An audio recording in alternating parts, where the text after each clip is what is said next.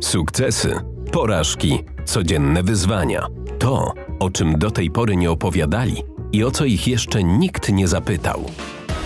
Liderzy i liderki największych organizacji i właściciele firm dzielą się w tym podcaście swoimi często niezwykłymi historiami. Dowiesz się, co pomogło im dojść tam, gdzie są, o co się potykali, jak podejmują decyzje, co ich martwi, a co bawi, ponieważ to, co najciekawsze, zawsze pada off the record. Zaprasza Kinga Zachariasz, na co dzień trenerka i mentorka skutecznych liderów. Witam w kolejnym odcinku mojego podcastu Lider, Liderka of the Record. Za chwilę poznasz jedną z inspirujących historii, której nie usłyszysz na oficjalnej konferencji czy kolacji. Bo jak wszyscy wiemy, to co najciekawsze pada przy wyłączonych mikrofonach. Cześć. Cześć. Dzisiaj mamy specjalny temat. Moim gościem jest Paweł Barchwic, wiceprezes spółki ASECO Data Systems. Dokładnie. Tak, ale to, że Paweł dzisiaj jest tu, gdzie jest, jakoś tam ścieżkę przeszedł, otóż trzeba wam wiedzieć, że Paweł pracował w startupie, zanim to jeszcze było modne, Tak, to początek lat 90. a wcześniej jeszcze byłeś nauczycielem fizyki. Do tego się również przyznaję. I y, zaraz cię poproszę, żebyś trochę opowiedział, skąd się wziąłeś przy tym stole, tutaj w sensie tego lidera, którego dzisiaj chciałabym ścieżkę i poglądy pokazać, ale y, zaprosiłam cię dzisiaj tutaj, żebyśmy usiedli sobie przy tym stole i porozmawiali dzisiaj o ego lidera. Widzisz, a ja myślałem, że chciałaś się spotkać i dokończyć naszą rozmowę o tym, jak latają samoloty. Za dużo rozmawialiśmy chyba przed nagraniem, bo wyprzedzamy fakty, ale Powiedz mi na początek, jak to było z tym nauczycielem fizyki i jak to było z tym startupem, zanim to było modne i jak to się stało, że teraz jesteś w ASECO właśnie? Cóż, e, to chyba zacznę od tego, że mniej więcej jak byłem w szóstej klasie, to dowiedziałem się, że jest coś takiego jak fizyka i pokochałem ją całym sercem. Nigdy tego nie zrozumiem. Ta miłość sprawiła, że moje marzenie było zostać naukowcem i dostać Nagrodę Nobla. No bo przecież wiadomo, jak mierzyć, to mierzyć wysoko, skoro o ego rozmawiamy. Później okazało się, że e, zanim zostanę tym naukowcem, to po drodze trafiło się kilka osób, które powiedziały, że mi coś tam wytłumaczył. E, jakoś to dobrze szło. I skoro tak, to zostałem nauczycielem takim od korepetycji. Ja przyznam, że zdarzało mi się, że miałem 20 godzin korepetycji tygodniowo, co mniej więcej jest pensum nauczycielskim.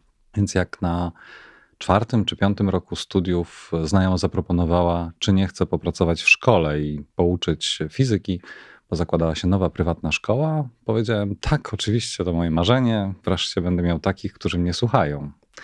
I nie mogą zaprotestować. W dodatku, jak słuchają źle, to mogę im wystawić ocenę. I tak zaczęła się moja przygoda trzyletnia. Tak, to dosko doskonały wybór na rozmowę o ego lidera, widzę. Coraz bardziej się w tym utwierdzam. Muszę się przyznać, że to dobry temat dla mnie. Tylko nie wiem, co mam o tym powiedzieć, bo ja nie rozumiem tematu ego. To przecież skromność jest podstawową cechą lidera, prawda? To się okaże. Ale mów o tym nauczycielu i o tym startupie takim nieoczywistym. Ach, tak, to myślę, że dość istotne jest to, że w edukacji ja wciąż mam dużą fascynację, jeżeli chodzi o edukację. I nawet nie o to chodzi, że kogo tylko spotkam i stanie się moją ofiarą, to go nauczę, czego tylko się da. Ale również to, że fascynuję się edukacją jako taką, jako procesem, tworzeniem nowych pokoleń, nowych ludzi i tego, co warto ich nauczyć, po to, żeby mogli potem skorzystać z tego w życiu. Absolutnie nie zgadzam się z systemem edukacji, który jest obecnie w Polsce, no i w sumie trochę na świecie. Natomiast e, ta pasja do edukacji, myślę, nie tylko dla mnie, ale dla większości młodych nauczycieli zabijana jest w szkole bardzo szybko i bardzo łatwo. Większość jest uporządkowana, podlega regułom, nauczyciele są pilnowani, żeby nie wychodzili za daleko poza program. I to jest straszne, bo nie pozwala młodym ludziom się rozwinąć, a myślę, że mogliby dokonać olbrzymich zmian szkolnictwie. I to cię wyciągnęło ze szkoły właśnie, to takie podejście, które ci nie pasowało? Tak, po trzech latach miałem serdecznie dość. Mhm. Może nie dzieci, ale otoczenia, w którym pracowałem. Tak się zupełnie przypadkiem trafiło, że znajomy zaproponował mi możliwość pracy jako programisty, a komputery to druga miłość po fizyce. Więc przystałem na to bardzo ochoczo i tutaj taka ciekawostka, programista w tamtych czasach to był inny gatunek człowieka niż jest dziś. E, to był powiedzmy inny rodzaj sprzedawcy w markecie. Hmm. Praca jak każda inna. No bo dzisiaj to jest opływa złotem i jest y, dobrem rzadkim, mimo tego, że jest ich coraz więcej, ale no właśnie. Zdecydowanie właśnie. wciąż jest ich za mało, a mhm. przez to wydaje mi się, że rynek wykształcił ludzi, którzy zachowują się trochę jak takie osoby, które wiedzą, że są najważniejsze na świecie, mogą sobie pozwolić na wiele, a i tak nikt im e, złego słowa nie powie. Ale ciebie tak rozumiem nie traktowano, niestety wtedy. Ja myślę, że początek lat 90. to był taki czas, kiedy no, mieliśmy bardzo ostry kapitalizm. I ja trafiłem akurat na początek swojej kariery zawodowej na ten moment, więc było wesoło. Ale to hartuje. No ale powiedz właśnie, bo to mówię o tym, że to był startup, bo ta firma, do której trafiłeś, to ona ostatecznie tak sobie działała, działała i w pewnym momencie stała się częścią Aseko, tak? Stąd się wziąłeś w Aseko, jeśli ja dobrze pamiętam tą historię. Tak, dokładnie. Firma nie była firmą garażową, bo zaczęła na strychu, na poddaszu. Mhm. E, były nas cztery osoby, od tego zaczynaliśmy. Ja dołączyłem jako ta czwarta osoba do firmy po pół roku działalności. I e, cóż, na koniec, kiedy stawaliśmy się częścią Aseco Data Systems, tworzyliśmy już 60-osobowy zespół, więc przez te kolejne lata trochę firma urosła. No właśnie, chciałam, żebyś trochę nakreślił tego kontekstu, no bo zawsze warto wiedzieć, skąd osoba pochodzi, jak się rozwijała i jak doszła do tego momentu, gdzie jest. Ja muszę się przyznać, że my się z Pawłem znamy bardzo długo bardzo długo. Już nawet strach pomyśleć te wszystkie lata, które my się znamy, ale muszę też przytoczyć y, dla potrzeb naszego dzisiejszego tematu o ego lidera taką historię z początku naszej znajomości. Może to było jedno z, w ogóle z naszych pierwszych spotkań, kiedy znamy się przez osobę, która jest bliska nam obojgu i ja z ową osobą rozmawiałam. Trochę żartem wydawało mi się, powiedziałam, mówię, wiesz, ja to w sumie nie wiem, jak lata samolot, traktuję, że to jest trochę magia.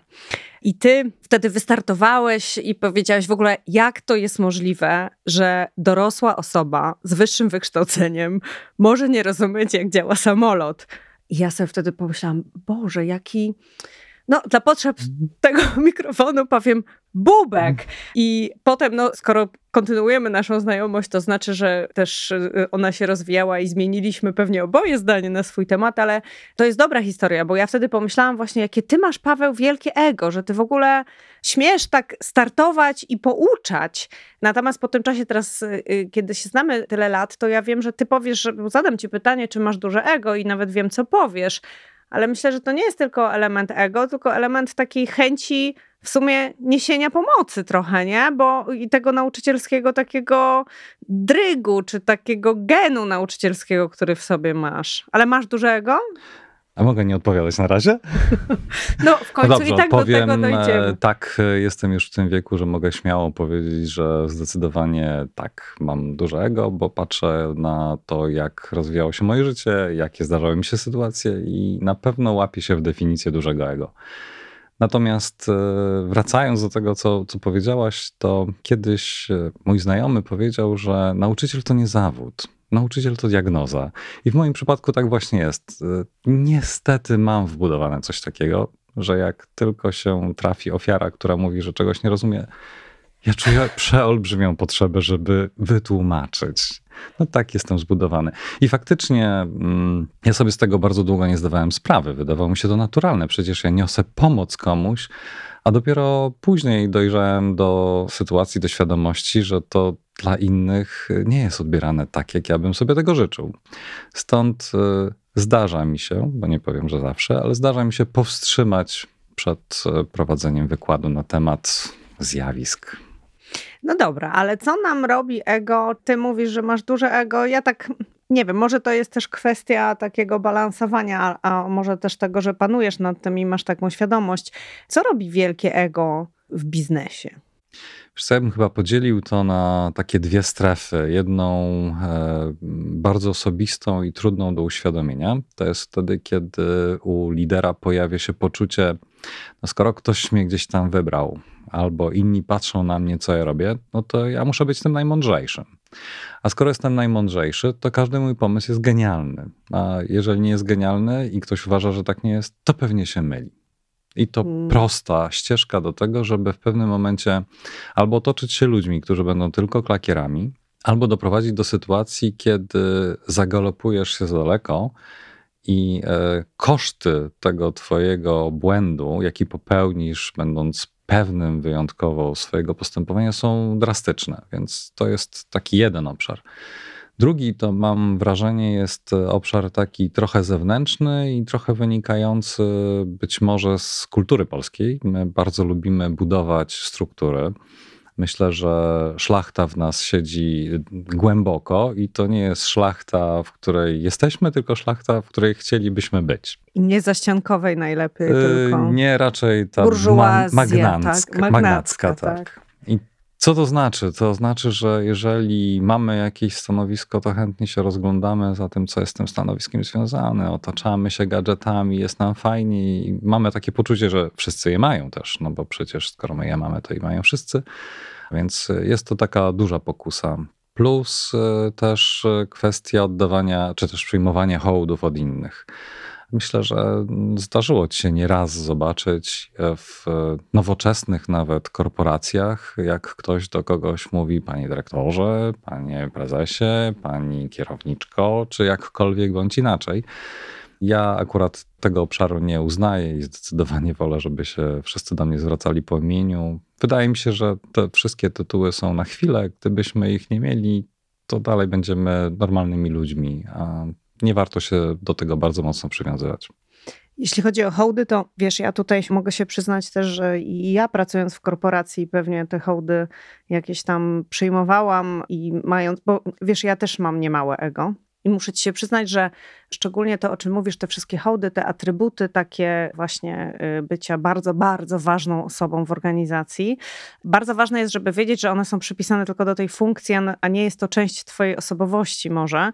Szczególnie dobrze widzę to teraz w swojej nowej roli, kiedy, jak wiesz, zajmuję się trenowaniem kadry menedżerskiej i przyzwyczajona do tego, że jak przyjeżdżałam do Krakowa, to ktoś mnie zawsze pociągiem albo Katowic, czy innego Poznania, czy Odbierał. samolotem, ktoś mnie zawsze odbierał, czekał na mnie samochód, wieziono mnie, tam już wiesz, czekała kawa z ciastkami, a teraz słyszę, pani Kingo, no to tam parking sobie pani gdzieś poszuka, jak będzie miejsce to ok, jak nie, no to pani tam zadzwoni, to spróbujemy coś e, załatwić. I myślę, że gdybym ja nie wykonała już wcześniej dużej roboty na swoim ego, to ciężko byłoby mi się, ja wiem, że to są banały i w ogóle to brzmi jak problemy pierwszego świata, ale warto sobie zdawać sprawę, że te rzeczy, które są tymi hołdami, to one nie są niestety najczęściej przypisane do naszego nazwiska, tylko one tak są bardzo wydaje. często przypisane do naszej funkcji, nie? Miałem okazję zobaczyć kilka takich osób, które podobnie jak ty, albo zrezygnowały z pracy w korporacji i zaczęły pracować na własny rachunek, albo były to osoby, które zmieniły stanowisko, zmieniły firmę i nagle wszystko to, co było takim blaskiem chwały i zwracaniem się nie wiadomo z jaką godnością do tej osoby, wszystko zniknęło. Więc to jest taki obszar, w którym ja nie czuję, żebym jakoś bardzo mocno potrzebował tego. Być może wynika to z tego, że sam też mam duży kłopot, żeby do kogoś e, podchodzić e, z jakimś wielkim hołdem. Mhm. Może wynika to z tego właśnie, że przecież ten człowiek nie jest jakoś lepszy ode mnie, e, to czemu mam mu oddawać hołd w taki czy inny sposób? Ale jednocześnie stosuję to samo do siebie. Ja myślę, że w ogóle taka opowieść o ego to jest też trochę opowieść o przywództwie, no bo jak się, to tak jak wzrasta człowiek, jak człowiek jest mały, to ma małe ego, nawet nie wie, że ma to ego, tylko jest jakąś taką częścią wielkiego my. Potem nagle zaczyna się trochę tak dystansować od rodziców. Pierwszy raz pójdzie za jara gdzieś tam pod szkołą i to zaczyna się czuć tą niezależną osobą, zaczyna się buntować. Zresztą to jest taki naturalny też etap rozwoju człowieka, nie? że musisz się zbuntować, a potem dochodzisz do takiego momentu pewnej dojrzałości, że jesteś takim królem życia, wiesz co wiesz, masz jakąś pozycję, możesz też na sobie polegać i to jest ten moment i trochę z rozwojem kariery zawodowej jest podobnie, nie? Nie sądzisz, Wiesz co, że... wydaje mi się, że potrzebne są wspomagacze. A te wspomagacze to są drobne sukcesy, które odnosimy, mhm. które utwierdzają nas w przekonaniu, że jesteśmy doskonali. W szkole takiej typowej to są oceny. oceny. Nagle trafiają ci świetne oceny, masz takie poczucie siły, stajesz się lepszym od wszystkich innych. No i rośnie w tobie takie poczucie, mhm. mogę wszystko. No i jeżeli się trafi ktoś rozsądny jako nauczyciel, który pomoże ci wyjść z tego takiego poczucia, krótko mówiąc, powie ci, sorry, ale to jeszcze nie jest ten poziom, żeby można się było tak sadzić, to wtedy e, jest dla ciebie jakiś ratunek. Jeśli cię tylko wspierają tym, że jest lepiej i lepiej i lepiej i jesteś cudowny, to jest taka duża szansa, że urośnie w tobie to ego i będzie rosło bez granic.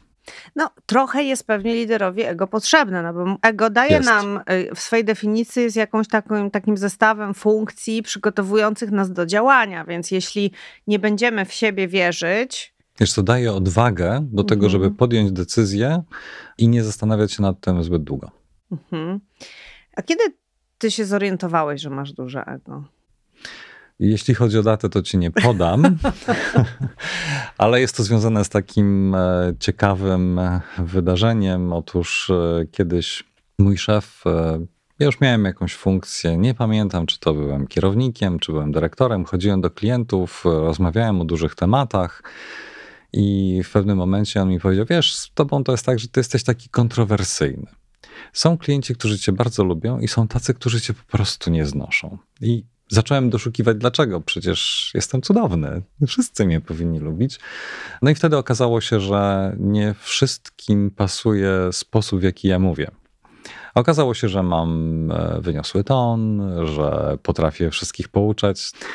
I to był taki element, w którym zacząłem się zastanawiać nad tym, czy to jest właściwy kierunek. No bo to na klientach mamy szansę pozarabiać, więc ja bym wolał, żeby wszyscy nas lubili. No, nie muszą nas kochać, ale fajnie by było, żeby dobrze się czuli w naszym towarzystwie. To był pierwszy moment, w którym zacząłem pracować e, nad sobą i ta praca trwa do dziś. Mhm. No bo jakie są zagrożenia? No bo mi się wydaje, że w ogóle niestety w polskich organizacjach jest mnóstwo osób z wielkim ego i to jeszcze jest pół biedy, że ktoś tak o sobie ma bardzo wysokie mniemanie, ale to jednak trochę wpływa na, i na biznes. Ty powiedziałeś o klientach, ale ja bym cię chciała też trochę naciągnąć na rozmowę na temat tego, jak to przeszkadza w organizacji, w budowaniu zespołu i nie namawiam cię do tego, żebyś się dzielił tylko swoim doświadczeniem, ale też jak to obserwujesz, bo y, ja mogę takich osób, no nie będziemy tu wymieniać nazwisk, choć bez wielkiego zastanowienia się mogłabym pewnie takich Pewnie nazwisk... przygotowaną listę gdzieś. No mam, noszę ją przy sobie zawsze na wszelki wypadek. To ja ci opowiem e, zabawną historię. To jest historia sprzed bardzo niedawna powiedzmy raczej liczona w pojedynczych tygodniach niż w latach. Otóż e, w mojej organizacji jest e, młody człowiek, który dostał szansę bycia liderem. Przyznam uczciwie, że sam go promuję. Naprawdę podoba mi się jego sposób myślenia i myślę, że z czasem będzie się fajnie rozwijał ale e, wszedł e, w tę menadżerkę i dołączył do grona pozostałych menadżerów. Na pierwszym e, spotkaniu przyszedł i powiedział im: Słuchajcie, mam świetny pomysł. Ten pomysł wdrożymy i będziemy wszyscy szczęśliwi.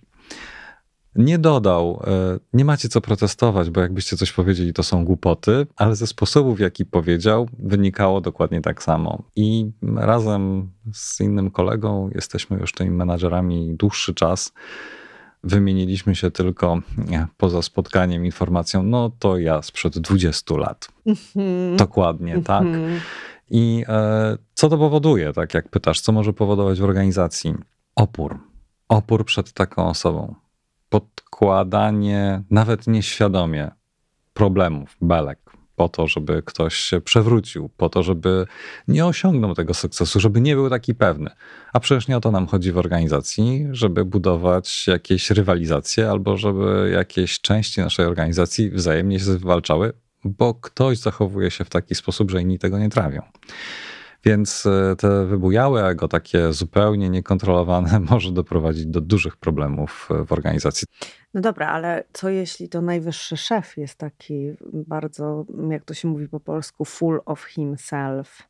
Bo jest nawet takie określenie syndrom hubris, Hubris to taka jest mała chochliczka, boginka związana właśnie z agresją, z przekraczaniem granic, trochę z pychą. No i mówi się, że właśnie osoby, które są z tym syndrom hubris, no to mają takie właśnie poczucie szczególnej władzy, takiej, która właśnie szczególnie kojarzona jest z pozycją najczęściej która już jest przez lata przez te osoby dzierżona, że jakby ty mówisz też o takim przykładzie, kiedy młodzi ludzie trochę dostawaliśmy też za naszą pychę, taką, mhm. taką trochę młodzieńczą, nie? Dostawaliśmy... Ale ona jest chyba potrzebna. Ona jest pewnie potrzebna, gdzieś tam dostawaliśmy po łapach trochę, ale co jeśli ktoś jakby wyhoduje w sobie takie ego, chcę powiedzieć lidera, ale co jeśli właśnie taka osoba rządzi firmą? Jakie to może mieć konsekwencje dla. Bo wiesz, ty się śmiejesz, że masz duże ego, ale trochę gdyby tak naprawdę było, gdyby to było takie bezrefleksyjne, to byśmy sobie na ten temat nie pogadali, a pewnie nie miałbyś o czym opowiadać, bo wszystko byłoby oczywiste, a moje pytania byłyby głupie. Co nie znaczy, że teraz nie są, ale jednak myślę, że nie są głupie dla mnie, bo wiele takich osób widziałam, właśnie takich pawi. No właśnie, co wtedy. Myślę, że tu chyba nie ma e, jakiegoś szczególnego rozróżnienia na płeć, bo tak mówisz o pawiach, ktoś mógłby sobie skojarzyć. Powiem w ten sposób. E, taka organizacja może być zdana na sytuację, w której mamy bardzo silnego lidera, który jest przekonany o swojej doskonałości i otacza się tylko takimi, którzy mu przyklaskują. Nie wiem, czy taka organizacja jest w stanie trwać, e, ale to na pewno nie jest zdrowe dla tej organizacji. A jak się zorientować, że kierujesz się tym swoim dużym poczuciem takiego siebie, no żeby nie powtarzać ciągle tego samego słowa? Jak się zorientować, jak lider się może zorientować, że że coś może powinien skorygować. Pytam o taką właśnie, wiesz, refleksję, nie? Czy, czy da się to zobaczyć w sobie, czy może jakieś można dostać sygnały? I no moim celem byłoby trochę, żeby się tak pozastanawiać, bo ja dostałam y, w życiu parę sygnałów, które świadczą o tym, że powinnam mieć jakąś refleksję na swój temat. I w mojej ocenie ja coś z tą refleksją zrobiłam. I chciałam się ciebie zapytać, jakbyś miał zapytać, jakby ktoś przed słuchaj, no nie wiem, teraz się kurde zacząłem zastanawiać, czy ja trochę tym swoim ego na sztandarach nie macham. Jak się zorientować, że może przyszedł czas na refleksję? Wiesz co, wydaje mi się, że to jest trudne. Może trzeba, myślę, zacząć od początku. Bez ego ja nie widzę e, możliwości, żeby rozwijać się jako lider bo to jest potrzebne, tak jak powiedziałem wcześniej, do tego, żeby nie bać się podejmować decyzji. Ty musisz mieć jakieś przekonanie o tym, że decyzja, którą podejmujesz, wybory, których dokonujesz, są podyktowane czymś dobrym, jakimś przemyślanym. Czyli musisz wierzyć w siebie. I z tej wiary w siebie może wynikać coś dobrego, no ale można się zagalopować wysyłają mi jakieś złośliwe uwagi, a nie sygnały, żebym się zastanowił nad sobą. Myślę, że dla tych ludzi, którzy dopiero wchodzą w ten świat, e, ja bym proponował, żeby od czasu do czasu zastanowili się nad tym, czy dookoła nich nie ma zbyt wielu osób, które tylko potakują. Mhm. Albo przychodzą i pytają, co zrobić. Nie podejmują samodzielnie decyzji. Jak dostrzeżesz to, to wydaje mi się, że jest to bardzo silny sygnał, żeby zastanowić się nad sobą, bo zaczynasz dominować organizację, zaczynasz dominować um, zespół, w którym pracujesz, bo nikt nie przychodzi z własną ideą. Ale to jest bardzo fajny i paradoksalny, myślę, temat, bo im bardziej ci przytakują, tym bardziej się utwierdza, że twój świat jest jedynym prawdziwym światem. Im bardziej pytają, co zrobić, tym bardziej myślisz sobie, beze mnie sobie w życiu nie poradzą. A skoro nie poradzą sobie beze mnie, no to tylko ja jestem osobą, która wie, jak to rozwiązać, bo przechodzimy teraz na temat trochę dawania takiej odpowiedzialności też zespołowi. A bo ja tak trochę cię będę challenge'ować, bo ty mówisz to ego, myślę, że się trochę chwalisz tym ego.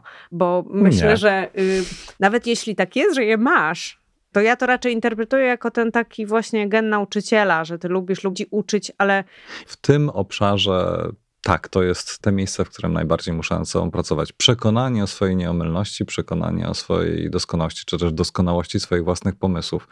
No to jest właśnie to miejsce, gdzie ja najbardziej postrzegam, e, że to jest obszar, nad którym powinienem pracować. No i jak pracujesz u siebie? No bo w końcu jesteś, wiesz, no jesteś dużym szefem, jesteś wiceprezesem dużej e, software'owej firmy. Nawet nie wiem, ile macie pracowników, ale wiem, że masz co najmniej kilkunastu dyrektorów u siebie, jakby raportujących do ciebie, więc to jest duży bardzo duży zespół, taki też menedżerski, czyli masz wokół siebie 15 innych ego, i no tak cię wyciągam, bo ty mówisz, a mam to ego, tak się trochę chwalisz, a jednak a widzisz? widziałam, Znowu się widziałam cię parę razy też w akcji e, z twoim zespołem, bo zdarza nam się razem też pracować. I jak ty to robisz, że tego wcale tak, no nie wiem, na pierwszy rzut oka nie widać, a ludzie chcą z tobą pracować, to jak ty nad tym swoim zarozumialstwem, jakie nazywasz, pracujesz? I nie mów mi, że nie pracujesz, bo na pewno to jakoś robisz, bo ono z ciebie tak nie bije tak strasznie mocno. Tak, po wielu latach na pewno, ale kiedyś to było inaczej. Natomiast jeżeli chodzi o pracę, słuchaj, ten kierunek, ten moment, w którym ty zaczynasz e, mieć ludzi dookoła siebie, którzy przychodzą, wszystko cię pytają i stworzysz organizację, w której ty jesteś tym jednym nieomylnym, prowadzi nieuchronnie do takiego momentu, w którym nawet siedząc 16 godzin w robocie, nie jesteś w stanie się ze wszystkim wyrobić. Kiedy odkryjesz, że ludzie przychodzą i pytają cię o takie drobiazgi, że ty sobie tego nie wyobrażasz i przestajesz mieć czasem na pracę jakąś strategiczną, na taką, gdzie możesz pomyśleć nad rozwojem, Nieuczciwie przyznam, że to był taki moment, kiedy mhm. ja zdecydowanie bardziej zacząłem nad tym pracować. Zacząłem może nieludzko, bo powiedziałem ludziom: przyjdźcie z pomysłem, to ja wam powiem, co na ten temat zrobić. A później doszedłem do wniosku, że chyba lepiej będzie budować organizację. Zacząłem szukać menadżerów, zacząłem tworzyć organizację i dawałem dużą swobodę menadżerom dawałem im szansę w moim mniemaniu popełniać błędy, czyli nawet jeżeli moje ego mówiło, nie, nie, to bez sensu, powiedz mu, to niech tak nie robi, to decydowałem się na to, żeby dać im szansę. To nie było tak zawsze, że to ja miałem rację. Czasami to oni mieli rację, i od tego momentu myślę, że nastąpiło takie duże przełamanie. Moment, w którym staram się jak najbardziej mogę wspierać zespół z pomysłami, z ideami, a jak najmniej e, decydować o drobiazgach. Czyli to jest tak, że ty po prostu zrozumiałeś, że za dużo pracujesz trochę też, tak? Że jakby, że wszystko robisz za wszystkich i że odpowiadasz na wszystkie pytania, że to był taki moment i wtedy podjąłeś decyzję, że zrozumiałeś, że pewnie masz wokół siebie ludzi, którzy wcale nie są mniej kompetentni, ale no trochę ich tak wychowałeś sobie do tak. tego, żeby... I... Ale jestem zwierzęciem zespołowym. Wierzę tylko w gry zespołowe, mało w indywidualne. I e, to też od zarania dziejów, takie wiesz, pierwsze przełamanie, kiedy zostałem kierownikiem zespołu i miałem aż jedną osobę u siebie w zespole, ale później e, tych osób zrobiło się trochę więcej. Moment, w którym ci ludzie zaczęli wytwarzać więcej niż ja, to było takie przełamanie, że zaraz hola, to nie chodzi o to, żeby być e, najlepszym, najszybciej piszącym programy, tylko chodzi o to, żeby ten zespół, którym zarządzam, pisał najwięcej. Więc e, wiara w to, że zespół może zrobić więcej niż pojedynczy człowiek, jest u mnie bardzo wielka. I to skojarzenie, że wszystko skupia się u mnie, to było myślenie raczej nie, że ja dużo pracuję, tylko że za mało jest w stanie zrobić ten zespół, bo mm -hmm. to ja jestem niewydolny. To ja jestem tym słabym ogniwem w zespole. Mm -hmm. Oni mogliby więcej, gdyby robili sami. Okej, okay. bo myślę, że to od strony zespołu to ma znaczenie, no bo człowiek w ogóle generalnie lubi mieć odpowiedzialność.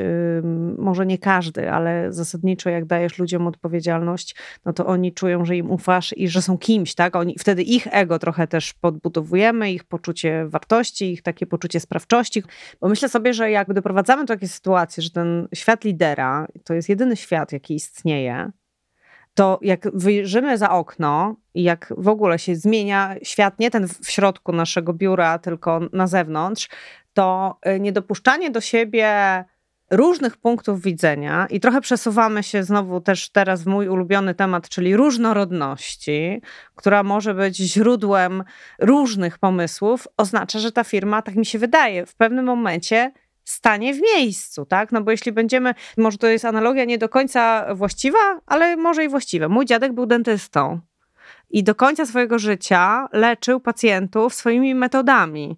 To znaczy do końca jego życia przychodziły do niego pacjenci, a on miał tam skórzany fotel z lat chyba tam 50.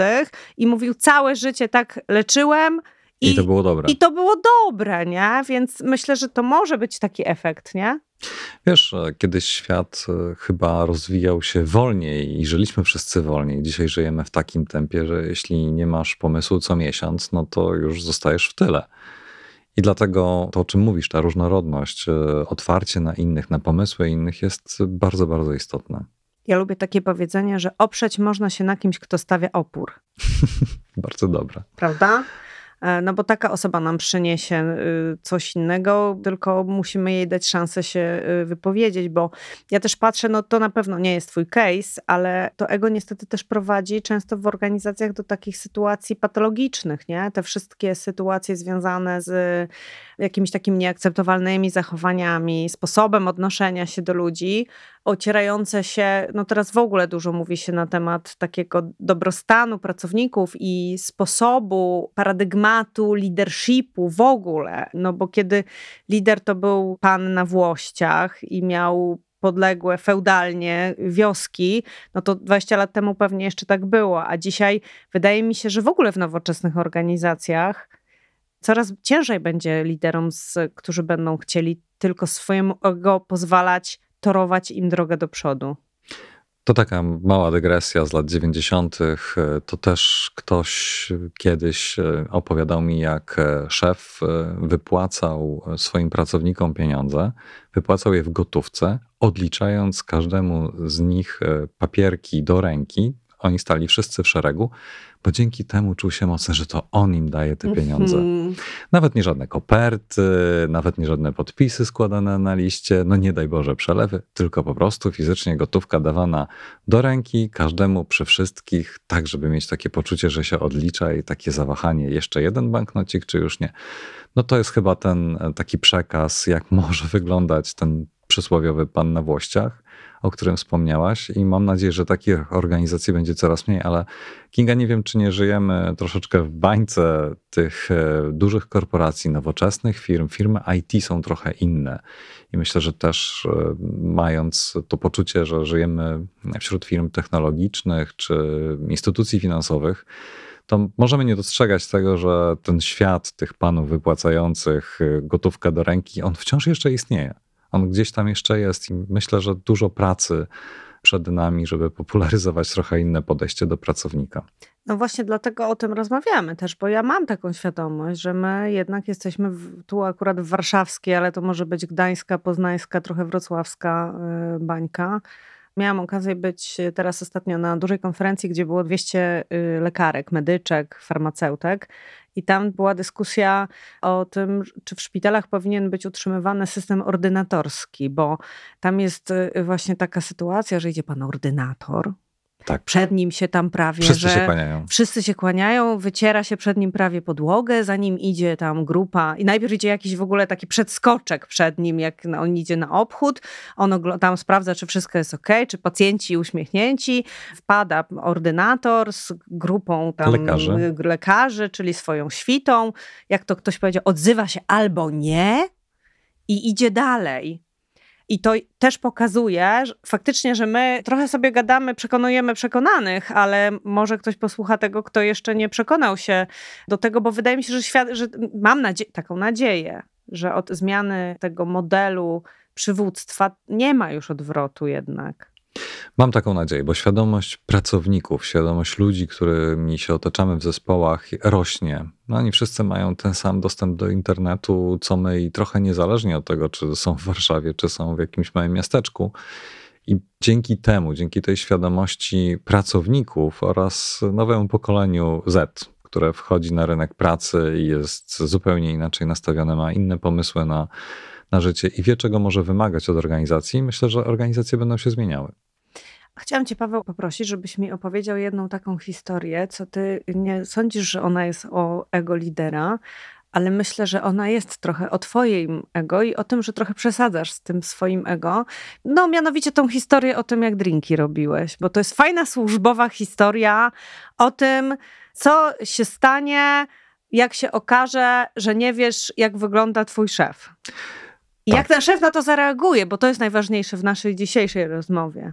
Otóż na jednym z wyjazdów integracyjnych, jak podano nam drinki, ja mam taki jeden ulubiony, nie będziemy reklamować, więc nie, Nie. będę wymieniał nazwy.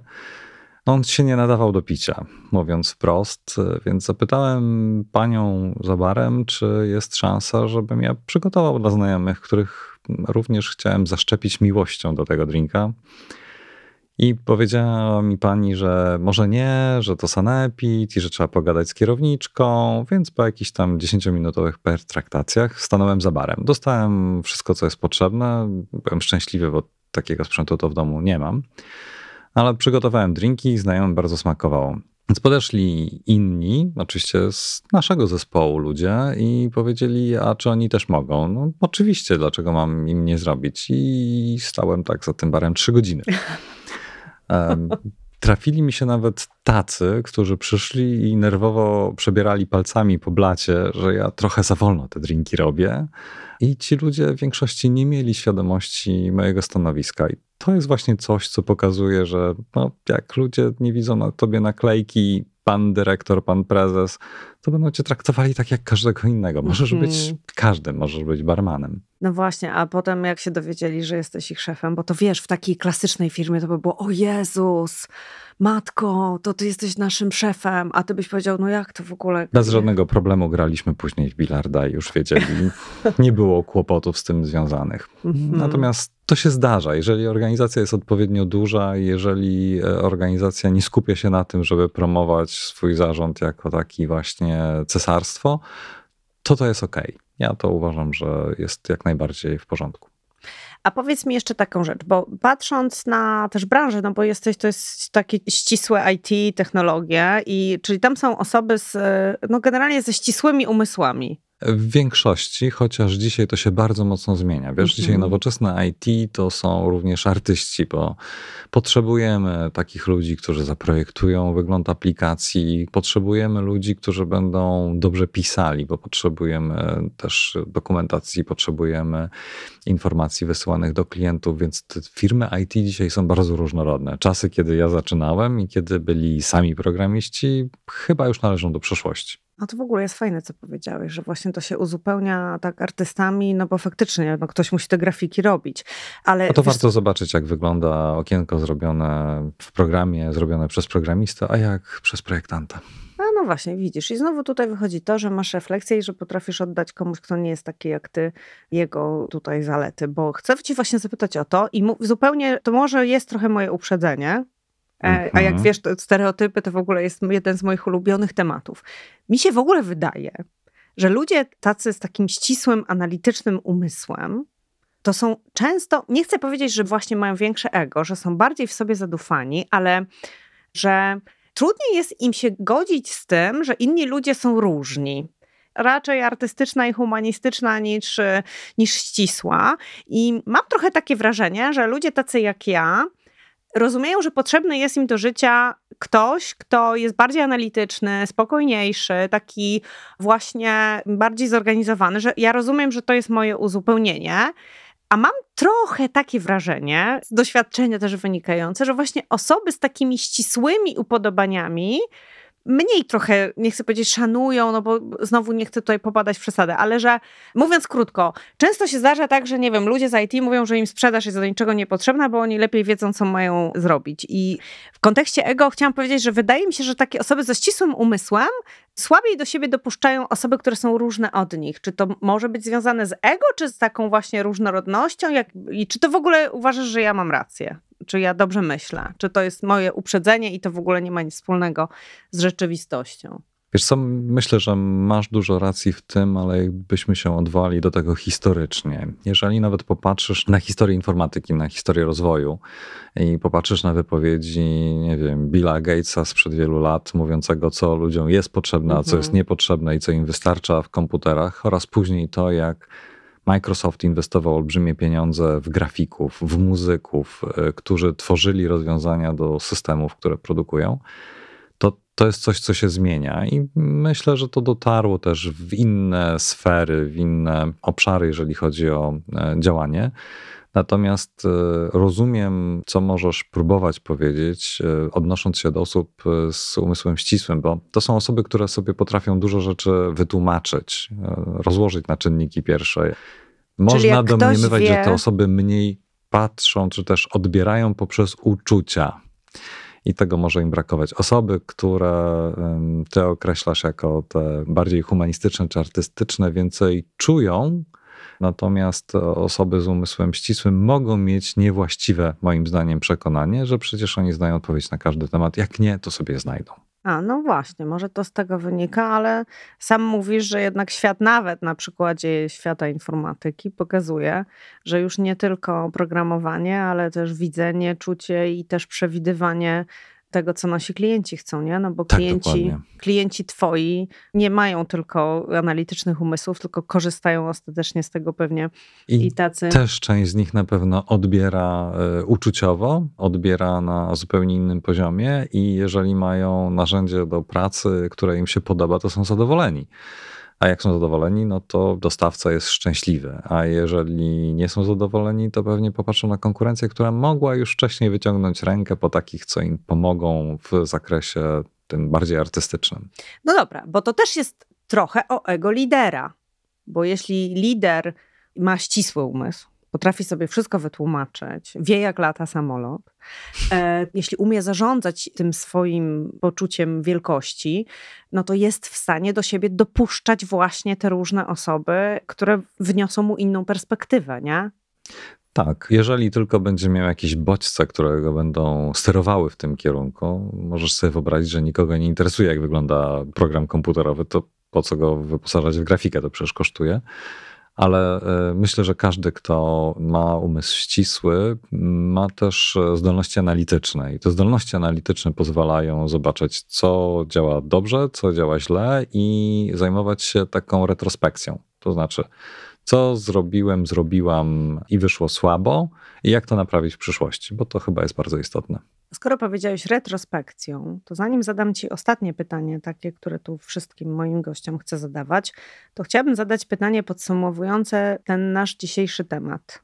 Jakbyś miał popatrzeć na siebie, tak właśnie retrospekcyjnie, na tą swoją chęć uczenia, na tą swoją chęć ratowania wszystkich przed niewiedzą, od tego momentu, kiedy byłeś nauczycielem, do momentu, kiedy jesteś dzisiaj, kiedy jesteś wiceprezesem dużej firmy, kiedy jesteś no, dużym liderem, tak? To jakbyś się do tego odniósł? Jakbyś to opisał? Jakbyś... Otóż e, ja mam przekonanie, że w każdym miejscu, każde doświadczenie, które mamy, buduje nas tymi, kim jesteśmy. I jeżeli byśmy pewnych doświadczeń nie mieli, to trudno powiedzieć, czy bylibyśmy tymi samymi ludźmi.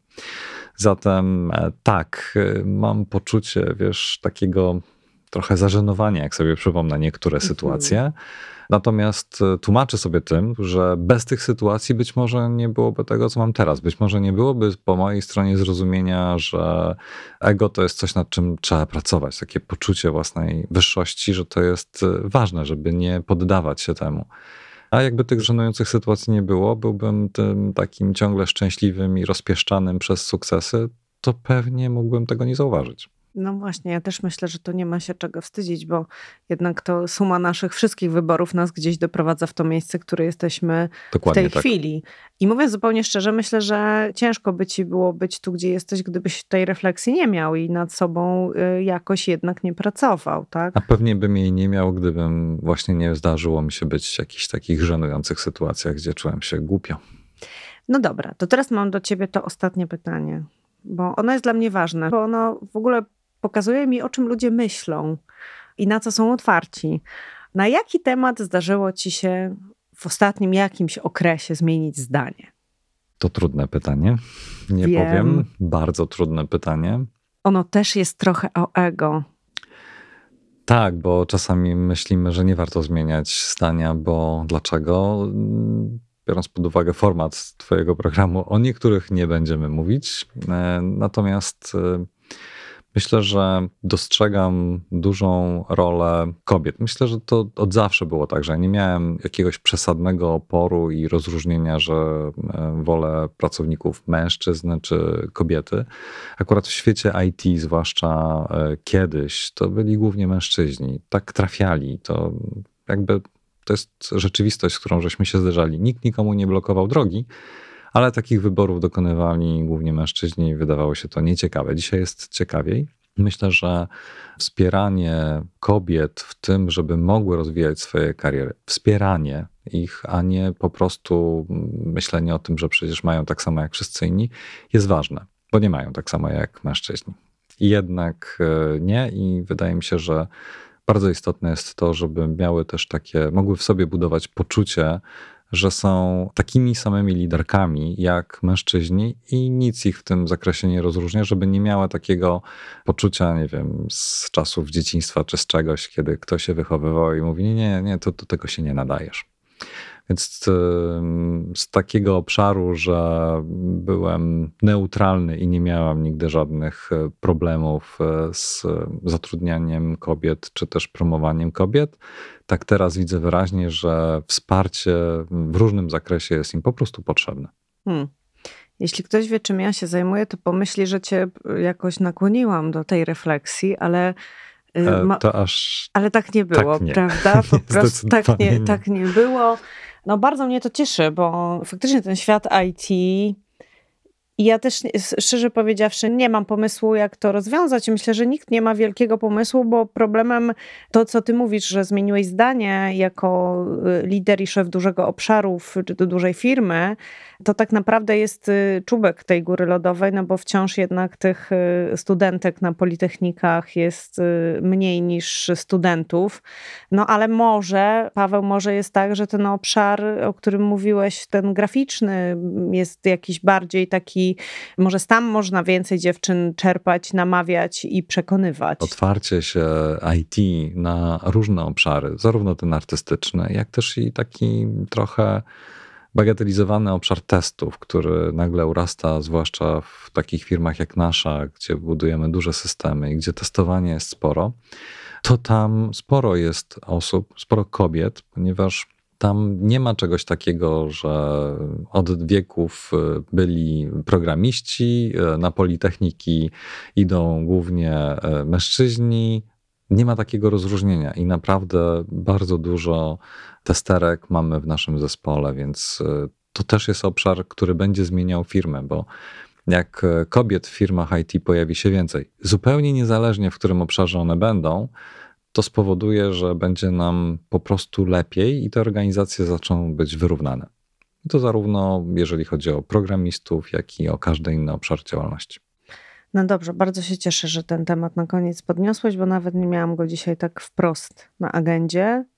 Ale to ważne, że a może czasem jak rozmawiamy, też gdzieś prywatnie coś tam wspomniałam, co na ciebie gdzieś tam wpłynęło, ale to już nie ma żadnego znaczenia.